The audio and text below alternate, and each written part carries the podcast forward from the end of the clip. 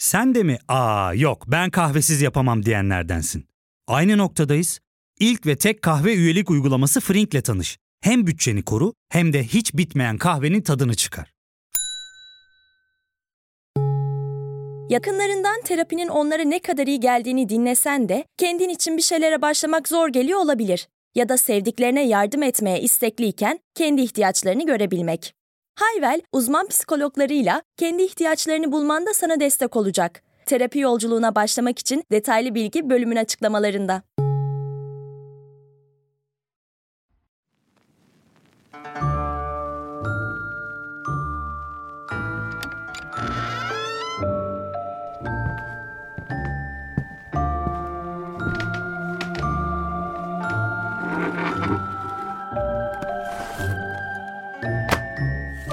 Ben Sezgi Aksu.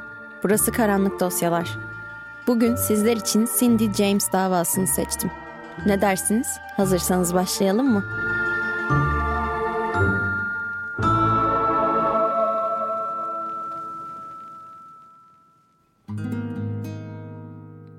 Cindy James 12 Haziran 1944'te British Columbia'da doğdu.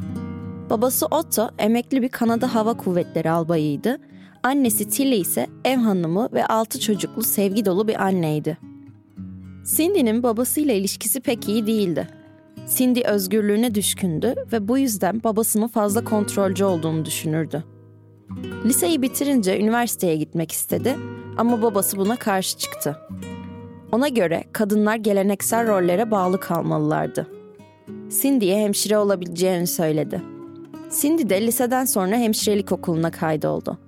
Orada kendisinden yaklaşık 20 yaş büyük bir doktor olan Roy Makepeace ile tanıştı. Beraber bir projede çalışıyorlardı ve Roy Cindy'den hemen hoşlanmıştı. Ancak Roy evliydi ve iki çocuğu vardı. Cindy ise parlak sarı saçları, mavi gözleri ve kocaman gülümsemesiyle güzel ve zeki bir genç kızdı. Vakit geçirdikçe aralarındaki çekim daha da reddedilemez bir hale geliyordu.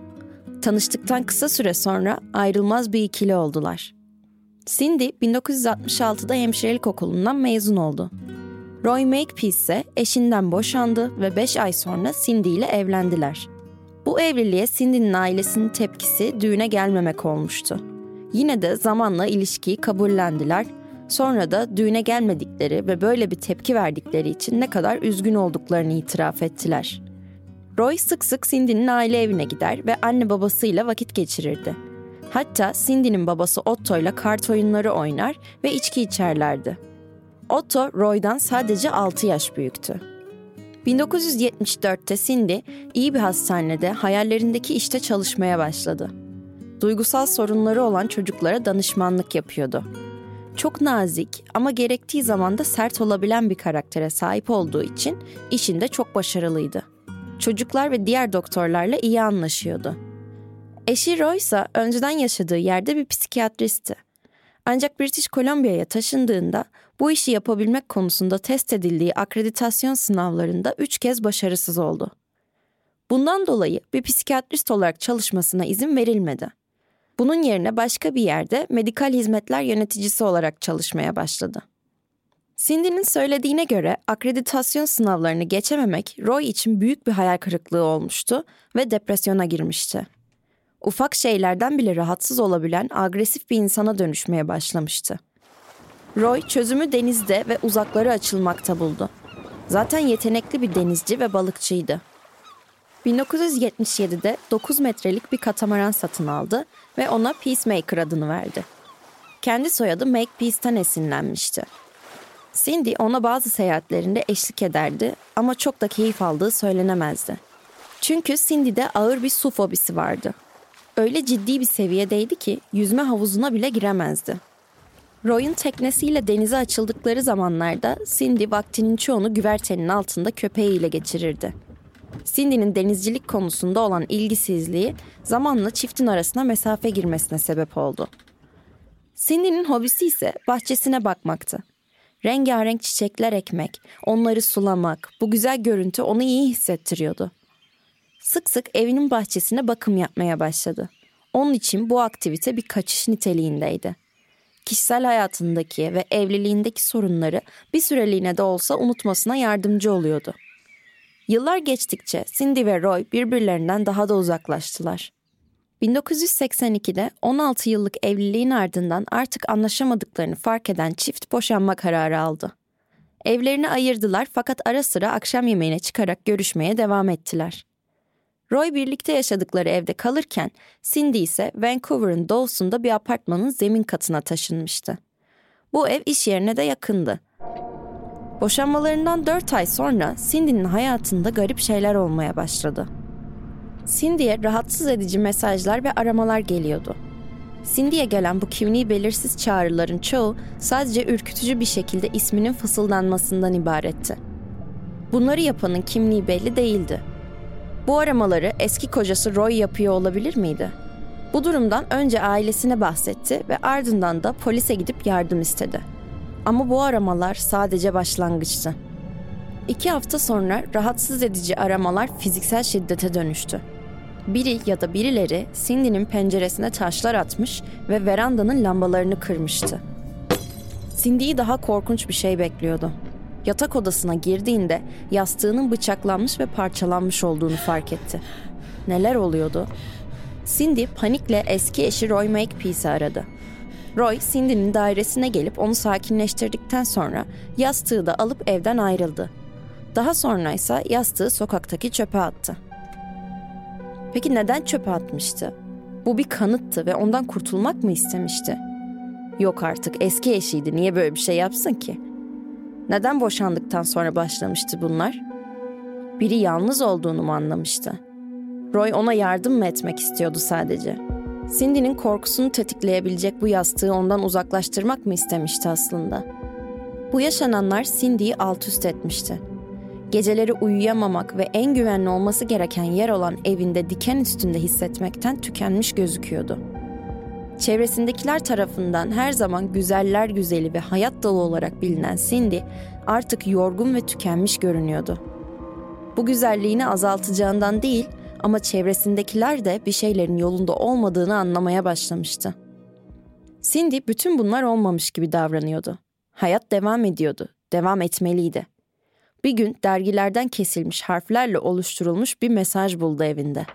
Eskiden posta kutusuna bırakılan tehdit mesajları artık kapısının hemen önünde belirmeye başlamıştı. Mesajda soon Cindy yazıyordu. Çok yakında Cindy. Bunun ardından Cindy polisi aramak için telefona koştu ancak o sırada hat kablosunun kesik olduğunu fark etti. Cindy bu süreçte Kanada Kraliyet adlı polisiyle temas halindeydi. Ona pek yardımcı oldukları söylenemezdi ama polis memuru Pat McBride evine kilit takmasına yardım etti. Kısa süre sonra memur Pat McBride ve Cindy arkadaş oldular. McBride yakın geçmişte eşinden ayrılmıştı ve yeni bir ev bakarken kalabileceği bir yere ihtiyaç duyuyordu. Cindy ise kendi evinde kalmasını teklif etti. Bu durum ikisi için de faydalı olurdu. Hem Pat'in yaşayacağı bir yer olurdu hem de Cindy güvende hissederdi. Evde polis varken sapık cesaret edemezdi herhalde. 28 Ekim'de Pat öğle vakti eve uğradı. Cindy ile bir kahve içeceklerdi. Ancak evden ayrıldıktan sonra ona bir arama geldi. Aramada Cindy'nin telefon kablolarının 5 ayrı yerden kesildiği söylendi. Bunun üzerine sonraki sabah 7'ye kadar memurlar Cindy'nin evini yakından izlemeye devam ettiler. Ancak o gün başka bir olay yaşanmadı. Komşulardan birisi daha Cindy'ye gelen aramalara benzer şeyler yaşadığını söyledi. Hatta başka bir komşu da üç kez Cindy'nin evinin etrafında gezen garip bir adam gördüğünü söyledi. Cindy evinin önünde giderek daha fazla tehdit edici notlar ve fotoğraflar bulmaya başladı. Notlar gazete ve dergiden kesilmiş harflerle oluşturulmuş kolajlardı. Acı, ölü, ölüm, seni görüyorum gibi şeyler yazıyordu. Fotoğraflarsa morgda çekilmiş cesetlerdi. Bu fotoğraflara nasıl ulaşmıştı? Pat, Cindy'nin beraber yaşama teklifini kabul etti ve Kasım 1982'de geçici olarak onun yanına taşındı. 22 Kasım'da Cindy işten çıkıp arabasına doğru yürümeye başladı. İşte olmak ona iyi geliyordu. Açıklayamadığı ve anlayamadığı bu saçmalıklardan uzak olmak, başkalarına yardım etmek ve bir nebze olsun her şey normalmiş gibi davranmak. Arabasına yaklaştığında ön camında bir fotoğraf fark etti. Fotoğraf bir dergiden kesilmişti ve Cindy'ye benzeyen bir kadın vardı. Gözleri oyulmuştu. Cindy'yi takip eden kişi her kimse sadece evini değil çalıştığı yeri de biliyordu. Birlikte yaşadıkları süre boyunca Pat ve Cindy birbirine bağlanmıştı. Hatta bazı günler Cindy'nin eski eşi Roy ve onun partneriyle çifte randevuya bile çıkarlardı. Yine de Pat bir ay sonra Cindy'nin evinden ayrıldı. Cindy anne babasına iyi olduğunu söylüyordu. Her şey yolundaydı. Korkulacak bir durum yoktu. Güçlü bir kadındı. Babaları çocuklarını asker disiplininde yetiştirmişti. Cindy gittiği terapi seanslarında çocukluğunda çok da bir şey yaşamadığını ve o dönemleri pek hatırlamadığını söylemişti. Bu ne kadar doğruydu? 6 yaşındayken kötü kabuslar görmeye ve uykularından çığlıklar atarak uyanmaya başlamıştı. Küçük Cindy'nin yaşadığı şeye gece terörü adı veriliyordu. Genelde bu yaştaki çocuklarda görülürdü. Çocuklar gece yaşadıklarını sabah hatırlamazlardı. Zaman geçtikçe evlerindeki bodrumdan da korkar olmuştu. Söylediğine göre evlerindeki yemek masasında bazen herkese yer kalmazdı ve bu yüzden karanlık bodrumda yemek yemesi gerekirdi. Babası Cindy ve kardeşleri yaramazlık yaparlarsa onları ceza olarak bodruma kapatırdı. Hatta Cindy bir keresinde eski eşi Roy'a küçükken erkek kardeşlerinden birinin ona cinsel saldırıda bulunduğunu anlatmıştı. Fakat Cindy kapalı bir kutuydu. Bu yüzden bu olaya dair de başka bir detay vermeyeceğini söylemişti. Bunu çocukluğuna inmek isteyen terapistine de söylüyordu. İlerleyen günlerden birinde polis memurları Cindy'nin eski kocasına evinin arkasındaki sokakta rastladılar. Arabasıyla Cindy'nin evinin etrafında daireler çiziyordu ve yan koltukta da iki tane silah vardı. Makepeace memurlara Cindy'nin güvenliği için bölgede devriye gezdiğini söyledi. Bir gün Cindy uyurken penceresinde bir tıklama duydu. Perdeyi çektiğinde Roy Makepeace elinde bir tüfek ve bıçakla orada duruyordu. Cindy'ye onu korumaya geldiğini ve rahat uyumasını söyledi. Roy Cindy istemeden kendi kendine böyle bir görev mi edinmişti? Sonraki gün Roy Cindy'ye peşinde bir mafyanın olabileceğini söyledi. Aramalar, mesajlar ve yastık olayını Godfather filminde görmüştü. Cindy eğer hastalarından birinin ailesini sinirlendirdiyse onlar intikam almaya çalışıyor olabilirdi. Roy, Cindy'ye alt kattaki çamaşır odasını kullanmamasını, oraya birinin kolayca girip boğazını kesebileceğini söyledi. Günlerce de kimse onu bulamazdı. Bütün bunları nasıl kolaylıkla hayal edebilmişti? Yoksa aklında sürekli böyle düşünceler mi vardı? Roy tüm bu ürkütücü uyarılardan sonra Cindy'den yanına geri taşınmasını istedi. Cindy bu teklifi reddedince de sinirlenmişti. Gizemli olaylar kısa sürede çok daha tehlikeli bir hale geldi. Cindy'nin arkadaşı Agnes Woodcock bir gece onu ziyarete geldi. Agnes kapıyı çaldı ama Cindy cevap vermedi. Cindy uzun akşam banyolarıyla tanınırdı. Agnes bu yüzden banyoda olabileceğini düşündü. Evin arkasından dolaşmaya karar verdi. Arka bahçeye geldiğinde arkadaşı Cindy'nin dehşet içinde birilerinden ya da bir şeyden saklanmaya çalışıyormuş gibi bir köşeye çömeldiğini gördü. Agnes'i gördükleri şok etmişti. Hem etrafa bakıyor hem de arkadaşını sakinleştirmeye çalışıyordu. Agnes, Cindy'nin boynuna bağlı naylon çorabı fark etti. Cindy o gelmeden kısa bir süre önce başına gelenleri arkadaşına anlattı. Fazlasıyla sarsılmış görünüyordu. Tüm telefondaki sesler, evin önündeki kolajlar, hiçbir şey yokmuş gibi hayatına devam etmeye çalışması ve şimdi bu olan.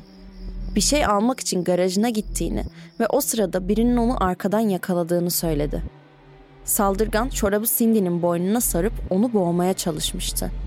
İyice bakabildiği ve hatırladığı tek şey ise kendisine saldıran gizemli kişinin beyaz spor ayakkabılarıydı. Seni öldürmeyeceğiz ama seni ölümüne korkutacağız demişlerdi ona. Birinin garaja doğru geldiğini duyan saldırganlar kaçmıştı. O sırada çaresizce arka bahçeye kaçıp saklanabilmişti Cindy. Ancak olayla ilgili sorgulanırken Cindy iki adet yalan makinesi testine girdi ve ikisinde de başarısız oldu. Travma atlatmış insanlar bazen olmayan şeyleri olmuş gibi hatırlayabilirler. Ardından da garip bir şekilde aslında saldırganların iki kişi olduğunu ve birini tanıdığını itiraf etti. Ancak ailesine zarar gelmesinden korktuğunu söyleyerek polise hiçbir isim vermedi. Bu kişi kimdi? Hatta bu kişiler kimdi? Gerçekten de eski kocası Roy olabilir miydi? Belki de iş yerinden biriydi. Ya da başka bir eski sevgilisi mi mesela polis memuru Pat. Cindy başka kimi tanıyor olabilirdi? Bir arkadaşın yapacağı bir şey değildi bu. Kim ondan bu kadar nefret ediyor olabilirdi? Yoksa Roy'un dediği gibi hastalarından biri miydi? Her kimse ne yapacağını söylemişti. Onu öldürmeyecekti ama korkutmaya devam edecekti. Notlarsa gitgide daha karanlık bir hale geldi. Ekim 1983'te Cindy işten eve geldiğinde bahçesinde ağaç dallarına bağlanmış üç ölü kedi buldu. Daldan sarkan kedilerin yanında bir not vardı. Sıra sende. Cindy'nin arabasının ön camına da morgdaki bir cesedin fotoğrafı bırakılmıştı. Cindy'nin evine kendi adına verilmiş çiğ et siparişleri de gelmişti. Ya fark ettin mi? Biz en çok kahveye para harcıyoruz. Yok abi, bundan sonra günde bir. Aa, sen Frink kullanmıyor musun? Nasıl yani? Yani kahvenden kısmına gerek yok. Frink'e üye olursan aylık sadece 1200 TL'ye istediğin çeşit kahveyi istediğin kadar içebilirsin. Günlük 40 TL'ye sınırsız kahve mi yani? Çok iyiymiş. Aynen. Hatta şu anda 200 TL'lik bir indirim kodu da var. E hadi hemen indirip üye ol da bu fırsatı kaçırma. Terapiye başlamak, içinden çıkamadığın döngüleri kırmak, bazı yanlış bulduğun kararlarını değiştirmek ve kendinle beraber daha huzurlu bir yaşam inşa etmek için atabileceğin en değerli adımlardan biri. Hayvel ile yoğun yaşam tempona uyum sağlayarak online terapi seanslarını takvimine göre ayarlayabilirsin. Bini aşkın uzmandan sana en uygun terapisti seçebilir, PodB10 koduyla indirimden yararlanabilirsin. Detaylı bilgi açıklamalardaki bağlantıda. İçinden çıkılamayan bu kabus şiddetini artırarak devam ediyordu. Bazı zamanlar neredeyse her gün tehditler alıyor, sonrasında ise uzun bir süre hiçbir ses çıkmıyordu. Bunu yapan kişi adeta onunla oyunlar oynuyordu. Bir gün çok sevdiği köpeğini boynuna sıkıca sarılmış bir kabloyla kendi dışkısında otururken buldu. Bu saldırıları düzenleyen her kimse kurbanlarının boyunlarıyla ilgili bir takıntıya sahip olmalıydı. Cindy yaşadıklarından günlüklerinde de bahsetmişti. Günlüklerdeki detaylar ne kadar travmatik şeyler yaşadığını kanıtlar nitelikteydi. Fakat polis Cindy'nin hikayelerine inanmadı ve açıkça ona yardım edemeyeceklerini söyledi. Ne zaman polis evi gözetlemeye gelse bir şey olmuyordu. Ancak polisin gittiği anda olaylar olmaya başlıyordu. Başından beri ne olduğunu çözemeyen polisler için yalan makinesi testlerinde başarısız olan ve şüpheli itiraflarda bulunan Cindy'nin yalan söylediğini düşünmek tüm gizemi çözüyordu. Ama gerçekten de bütün bu olayları uyduruyor, bütün bu olayları incelikle tasarlamış, notlarını hazırlamış, kedileri öldürüp bahçesindeki ağaca asmış olabilir miydi? Yani böyle olsa bile bu ciddi bir akıl rahatsızlığının göstergesiydi. Her ne olursa olsun ona inansalar da deli olduğunu düşünseler de Cindy artık kendisi için savaşması gerektiğini biliyordu. Bu yüzden yeni bir eve taşındı. Arabasını boyattı ve soyadını bile değiştirdi. Ek olarak özel dedektif Ozzy Caban'ı tuttu. Ozzy dava üzerinde titizlikle çalışmaya başladı. Ancak müvekkilinin bir şeyleri sakladığından şüpheleniyordu. Ozzy Cindy'nin ailesiyle konuşmak istedi. Ailesi de Cindy'nin onlardan bir şeyler sakladığını düşünüyordu. İki tarafta Cindy'nin tüm bunları kimin yaptığına dair bir fikri olduğuna ama söylemeye de korktuğuna karar vermişti. Ozzy ipuçlarını takip etmenin yanı sıra Cindy'nin evinin dışına ışıklar kurdurdu ve telefon hattı tekrar kesilse bile kendisine kolayca ulaşabilmesi için ona panik düğmesi olan iki yönlü bir telsiz verdi. Bir gece geç saatlerde Ozzy iki yönlü telsizden gelen tuhaf sesler duydu ve derhal Cindy'nin evine koştu. Kapıyı çaldı ancak Cindy cevap vermiyordu. Ozzy hiç tereddüt etmeden kapıyı kırıp eve daldı. Cindy'yi eline bir bıçak tutturulmuş halde koridorda yatarken buldu. Üstüne bırakılan notta sen ölü bir sürtüksün yazıyordu. Cindy hareketsizdi ve Ozzy öldüğünü sandı ama sonra nabzını bulmayı başardı. Ambulansı aradı ve Cindy derhal hastaneye kaldırıldı. Bilinci yerine geldikten sonra dedektiflere birinin koluna iğne batırdığını hissettiğini, bıçaklanma olayını hatırlayamadığını söyleyebildi. Cindy'nin saldırıyı kendi kendine düzenlediğine inanan polis ise evinden, bıçaktan veya nottan parmak izi alma zahmetine bile girmedi. Acaba iş arkadaşları olan memur Pat McBride'ı mı koruyorlardı? Ozzy, Cindy'nin iğneyi kendine enjekte edebileceğine ya da vücuduna girdiği açılardan kendini bıçaklayabileceğine inanmıyordu. Israrla birinin müvekkiline saldırdığını iddia ediyordu. Cindy de bu sırada elinden gelen her şeyi denemek ve olanları hatırlamak istiyordu. Hipnoz etkisi altına girmeyi ve yalan makinesi testi yapmayı kabul etti. Ne yazık ki testlerden sonra Cindy'nin faydalı bilgiler veremeyecek kadar travma geçirdiğini fark ettiler. Hipnoz sırasında bambaşka travmalar ortaya çıkıyordu. Her şey daha da bulanıklaşıyordu. Aramalar daha da sıklaşmaya başladı ancak her biri o kadar kısaydı ki izlerinin sürülmesi mümkün değildi. Bunları yapan her kimse nasıl gizli kalabileceğini biliyor olmalıydı.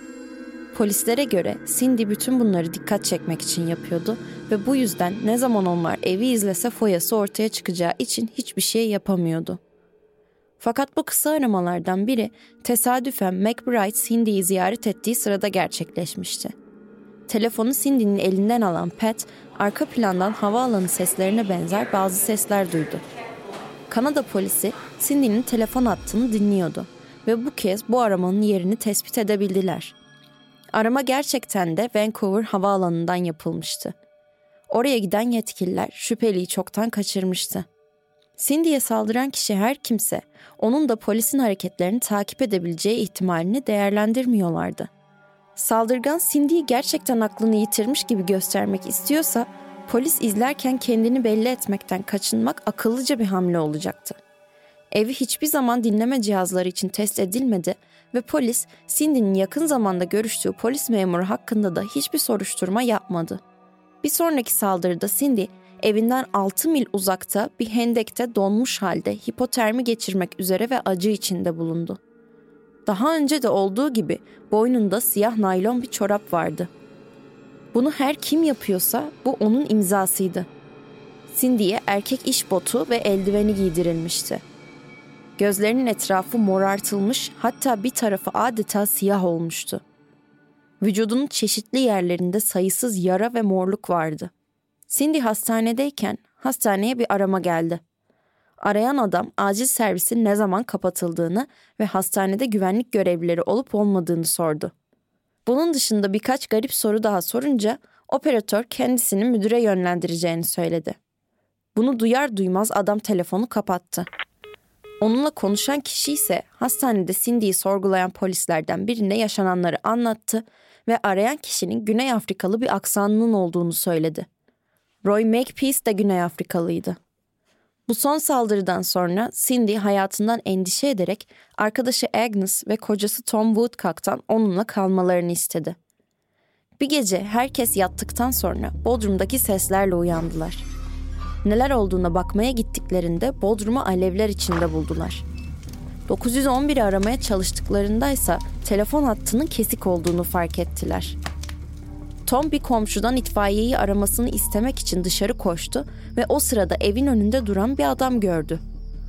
Tom ondan 911'i aramasını istedi ama adam onun yerine tek kelime etmeden caddeden kaçmaya başladı. Bu kişi bütün bu aramaları yapan, Cindy'ye saldıran ve en sonunda da evi kundaklayan kişi olmalıydı. Polis yangının kasten çıkarıldığını belirledi ve kundaklama eylemi olarak nitelendirdi. Bodrum pencerelerini aradılar ve pencere pervazında suçlunun girmek için kullanacağı herhangi bir yerde parmak izi bulamadıklarını söylediler. Şimdiye kadar çok dikkatli davranmış olan saldırgan eldiven kullanmış olabilirdi. Ama bunun yerine yangının Cindy tarafından bilerek çıkarıldığını ve sahte olduğunu söylediler. Cindy'yi geceleri küçük köpeğini tek başına yürütürken gördüklerini öne sürerek bir saldırgandan korksa gece dışarı yalnız başına çıkmazdı dediler.'' Bu kadar kolaydı işte Cindy'ye deli demek. Deli ve arkadaşları evdeyken yangın çıkaran biri. Cindy'ye yakın olanlar da zihinsel durumunun bütün bu baskı ve taciz altında kötüleştiğini görüyordu. Cindy ancak ölünce huzur bulabileceğini düşünmeye başlamıştı. Cindy'nin intihara meyilli olabileceğinden endişe eden doktoru onu bir psikiyatri hastanesine yatırdı. 10 haftalık bir tedavinin ardından Cindy sonunda evine döndü. Ailesine ve arkadaşlarına bazı bilgileri sakladığını itiraf etti. Saldırganın onları ifşa etmesi halinde Cindy'yi ailesini öldürmekle tehdit ettiğini söyledi. Bana eğer kim olduğumuzu birisine söylersen, özellikle de polise söylersen ailenin peşine düşeriz. Senden sonra sırada kız kardeşin var. Sonra da annen var. Onlara zarar gelmesini istemiyorsan susacaksın. Hiç kimse kim olduğumuzu bilmeyecek dediler. Bu bir çete ya da bir tarikat işi miydi? En azından birden fazla kişi oldukları kesindi artık. Sonunda Cindy polise geri döndü ve onlara bu saldırıların arkasında olduğunu düşündüğü kişiyi söyledi. Psikiyatrist olan eski kocası Dr. Roy Makepeace'in bunları yaptırdığını düşünüyordu. Ayrılığı kaldıramamış ve sonrasında da Cindy'nin başka bir romantik ilişki kurduğunu öğrendiği için bunları yapıyor olabilirdi. Cindy her fiziksel saldırıdan sonra özellikle bıçaklandığı ve çukurda bulunduğu zaman kanında yüksek dozda morfinle bulundu.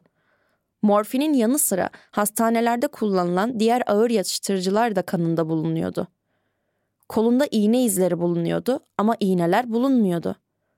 Bunlar tam da hastaneye erişimi olan bir sağlıkçının yapabileceği türden şeylerdi. Polis de bunun üzerine Makepeace ile konuştu ve o da hakkındaki tüm iddiaları reddetti. Ardından da kendi telesekreterinde bulunan arama kayıtlarını polise teslim etti. Biri onu aramış ve onun için ölüm tehdidi bırakmıştı.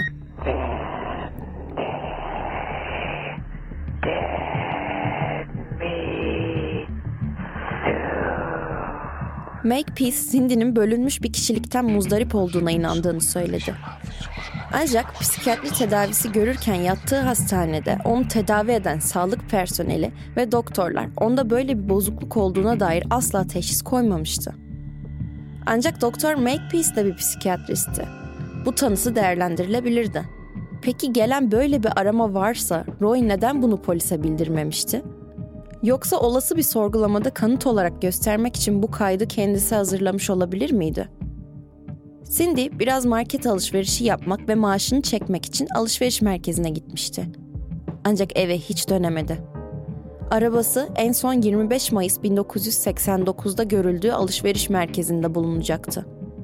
Dedektifler aracın sürücü kapısında kan izine rastladılar. Cindy'nin cüzdanındaki eşyalar arabanın dışına atılmıştı. Bagajda Cindy'nin satın aldığı yiyecekleri ve bir arkadaşının oğlu için aldığı hediyeyi buldular. İki hafta boyunca ailesi ve arkadaşları Cindy'nin nerede olduğunu, ona ne olduğunu merak edip durdu. Zaten başına bir sürü kötü olay gelmişti. Herkes polisten gelecek haberden korkuyordu. İki haftanın sonunda kötü haber geldi. Cindy'nin cansız bedeni bulunmuştu. Polis tarafından sorguya alınmış olan eski kocası Roy Makepeace için bu sorgu bardağı taşıran son damla olmuş olabilir miydi? Cindy'nin cesedinin bulunduğu yer çok sayıda yayanın bulunduğu, trafiğin yoğun olduğu bir bölgede terk edilmiş bir evin ön bahçesindeydi. Eğer cansız bedeninin bulunduğu yerde öldürülmüş olsaydı mutlaka birileri görürdü. Otopsinin ardından anlaşıldı ki büyük ihtimalle kaybolduğu gün öldürülmüştü. Cindy'nin vücudunda çok sayıda yara vardı. Kolunda bir enjeksiyon izine rastlandı. Daha sonra ise vücudunda yüksek dozda morfin olduğu ve ölüm nedeninin bu olduğu belirlendi. Elleri ve ayakları vücudunun arkasında bağlı haldeydi. Boynunda onu boğmak için kullanılmış olan siyah çorap vardı. Olay yerinde eksik olan tek şey ise morfin vermek için kullanılan iğneydi. Polis Cindy'nin başka bir yerde morfini kendi kendine enjekte ettiği ve sonra iğneyi attığı fikrini savundu. Ne de olsa en başından beri ona ve hikayelerine inanmıyorlardı.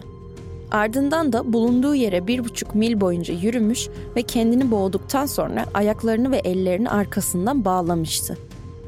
Vücudunda öldürücü dozda morfin vardı ancak etkili olmasının en az 15 dakika süreceğini iddia ettiler.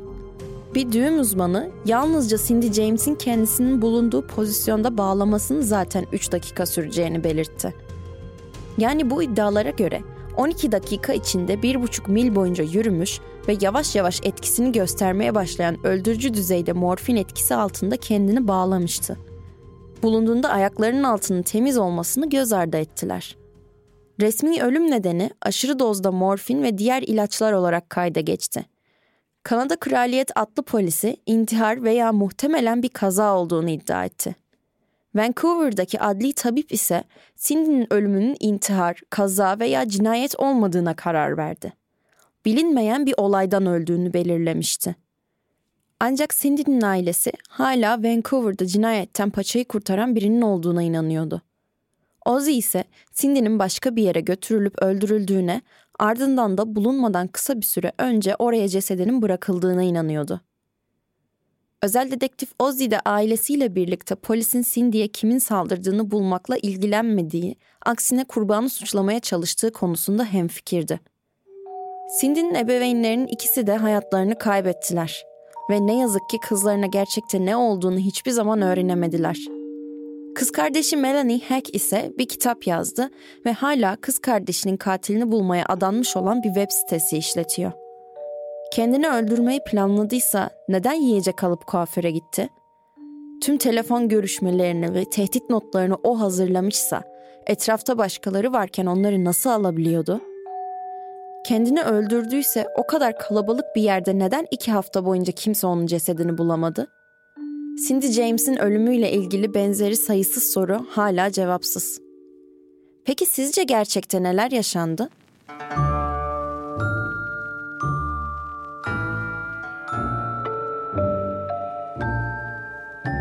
Bu haftanın sizler için seçtiğim karanlık dosyasını ziyaret ettik.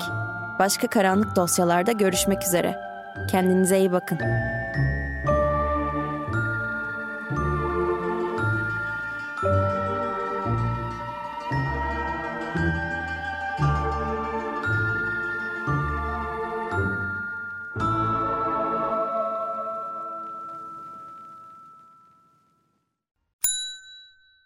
Ve tek kahve üyelik uygulaması Frink, 46 ildeki 500'den fazla noktada seni bekliyor. Açıklamadaki kodu girerek sana özel 200 TL'lik indirimden faydalanmayı unutma. Hadi sen de Frink üyeliğini başlat, kahven hiç bitmesin. Hem bugününe hem yarınına katacaklarıyla terapi yolculuğuna ve daha iyi hissetmeye bugün Hayvel ile başla. Açıklamadaki linkten Hayvel'i indir, ücretsiz tanışma görüşmelerinin ardından bütçene uygun seans paketini seç ve terapi yolculuğuna başla.